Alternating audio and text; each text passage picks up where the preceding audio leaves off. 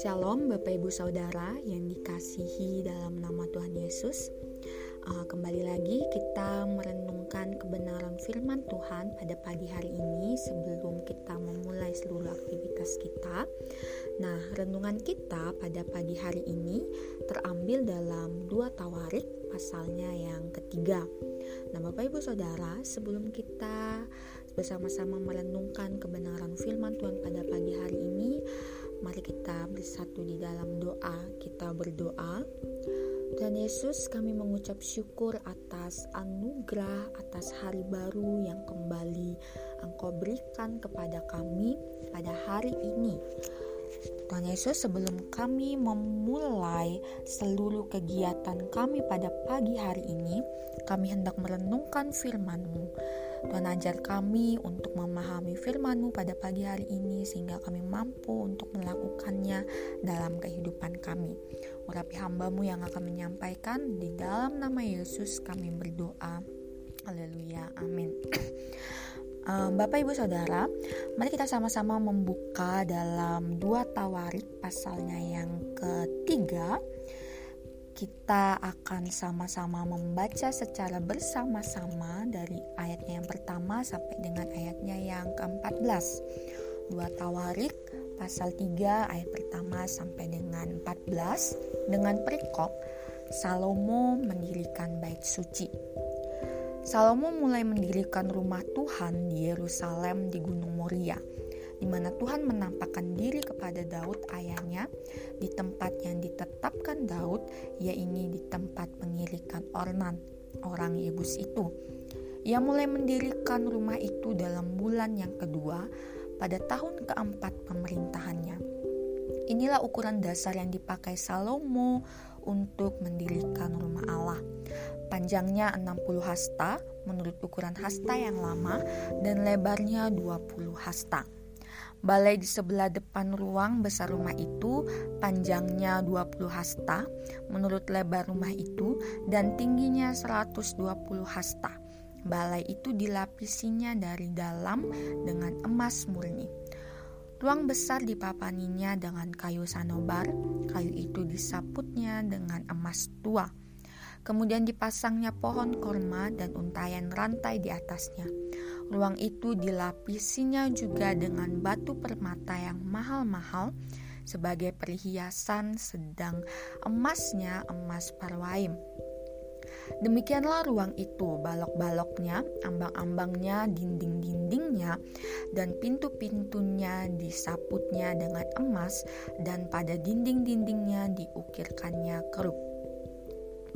Kemudian ia membuat ruang maha kudus panjangnya 20 hasta menurut lebar rumah itu dan lebarnya 20 hasta juga.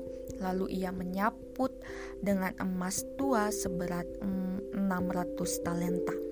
Berat paku-paku 50 shikal emas. Juga kamar-kamar atas disaputnya dengan emas. Ia membuat dua kerup berupa pahatan di ruang maha kudus dan melapisinya dengan emas. Sayap kerup-kerup itu seluruhnya 20 hasta panjangnya. Sayap yang sebelah kerup yang satu lima hasta panjangnya dan menyentuh dinding ruang sedang sayapnya yang sebelah lagi juga lima hasta panjangnya dan menyentuh sayap kerup yang lain.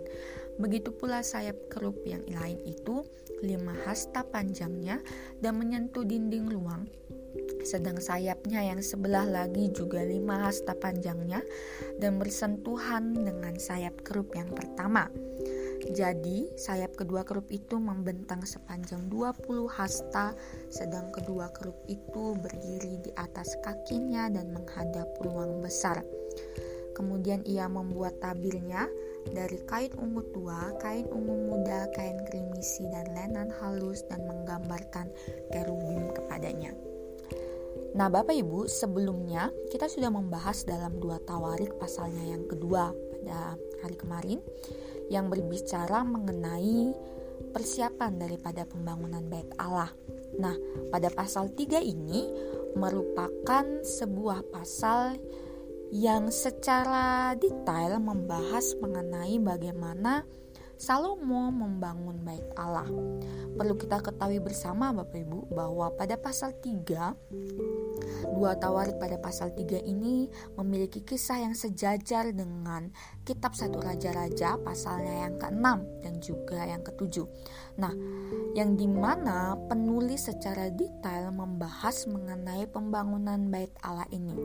Secara sekilas pasal ini hanya seperti memperlihatkan bagaimana Salomo membangun bait Allah dengan segala kemagahannya dan dengan menggunakan material yang sangat mahal. Akan tetapi, ada hal yang menarik yang bisa kita lihat dari pembangunan bait Allah ini. Kita bisa melihat ya yang pada ayat yang pertama di mana Paul penulis Tawarik mencatat tempat Salomo mendirikan bait Allah adalah di Gunung Moria. Bapak Ibu Saudara, kita sama-sama mengetahui Gunung Moria mengingatkan kita mengenai kisah Abraham yang mempersembahkan Ishak anaknya dan Allah kemudian memberikan belas kasihannya kepada Abraham. Kemudian dikatakan pula bahwa bait Allah ini didirikan di tempat pengirikan ornan tempat yang sudah ditetapkan Daud, di mana Daud mendapat belas kasihan Allah setelah berdosa melakukan sensus. Nah, Bapak Ibu Saudara, kita melihat bahwa hal ini menunjukkan bahwa Salomo mendirikan bait Allah di tempat kudus ketika Abraham mempersembahkan Ishak dan mengingatkan kembali kepada bangsa Israel akan belas kasihan Allah. Kemudian kita juga bisa melihat bagaimana Salomo kemudian memakai ukuran untuk membangun bait Allah sesuai dengan apa yang sudah diperintahkan oleh Allah kepadanya. Yang berarti Bapak Ibu, Salomo melakukan pembangunan bait Allah tidak berdasarkan pengukurannya sendiri, akan tetapi berdasarkan apa yang sudah diperintahkan oleh Allah. Kemudian kita juga bisa melihat pada ayatnya yang kelima sampai dengan 17 di mana penulis kitab Tawarik ini kemudian menyempitkan fokusnya kepada pembangunan ruang besar utama, ruang maha kudus dan balai depan rumah. Dalam hal ini kita bisa mengetahui bahwa Salomo juga mengikuti aturan-aturan atau prinsip-prinsip yang sudah ditetapkan dalam kitab Kejadian dan juga Keluaran.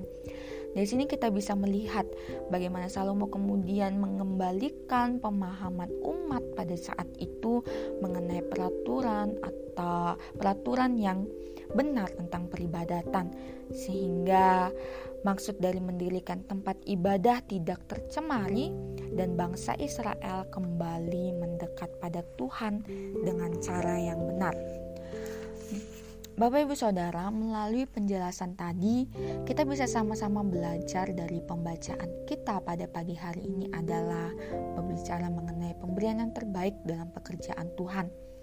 Kita bisa melihat bagaimana Salomo menyadari bahwa pembangunan bait Allah bukan berbicara mengenai tugas atau kewajibannya, tetapi Salomo menyadari bahwa pembangunan bait Allah adalah merupakan perintah daripada Allah sendiri yang berarti merupakan pekerjaan Allah.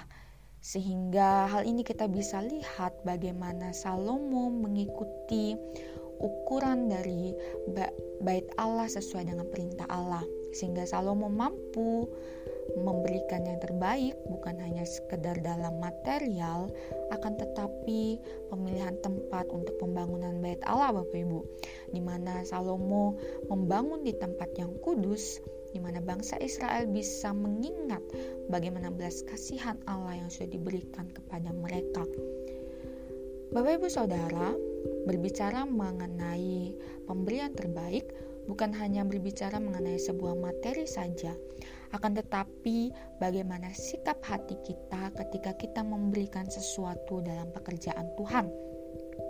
Apakah kita sudah memberikannya dengan kerelaan hati kita, ataukah kita masih bersungut-sungut ketika kita memberikan untuk pekerjaan Tuhan, misalnya dalam pembangunan gereja, persembahan, dan misi atau lain sebagainya? Paulus mengatakan dalam 2 Korintus 9 ayat 17 ayat 7 mengatakan hendaklah masing-masing memberikan menurut kerelaan hatinya. Jangan dengan sedih hati atau karena paksaan sebab Allah mengasihi orang yang memberi dengan sukacita. Mari kita meneladani secara bersama-sama meneladani sikap Salomo dalam melakukan pembangunan bait Allah ini. Dengan ia memberikan materi, tenaga dan pikiran yang terbaik dalam pekerjaan Allah. Sehingga ya hal ini yang membuktikan bahwa ia mampu memberikan yang terbaik. Demikian firman Tuhan renungan kita pada pagi hari ini Bapak Ibu Saudara, kiranya kita mampu melakukannya dalam kehidupan kita. Mari kita bersatu di dalam doa, kita berdoa. Tuhan Yesus terima kasih atas kasihmu dalam hidup kami. Terima kasih atas renungan yang sudah kami dengarkan, kembali mengingatkan kami untuk kami mampu memberikan yang terbaik dalam pekerjaan pekerjaan Tuhan dalam apa pun yang kami berikan Tuhan biarlah kami memberikan dengan kerelaan hati kami sehingga namamu saja yang boleh dipuji dan dipermuliakan atas setiap hidup kami dalam nama Yesus kami berdoa. Haleluya. Amin. thank you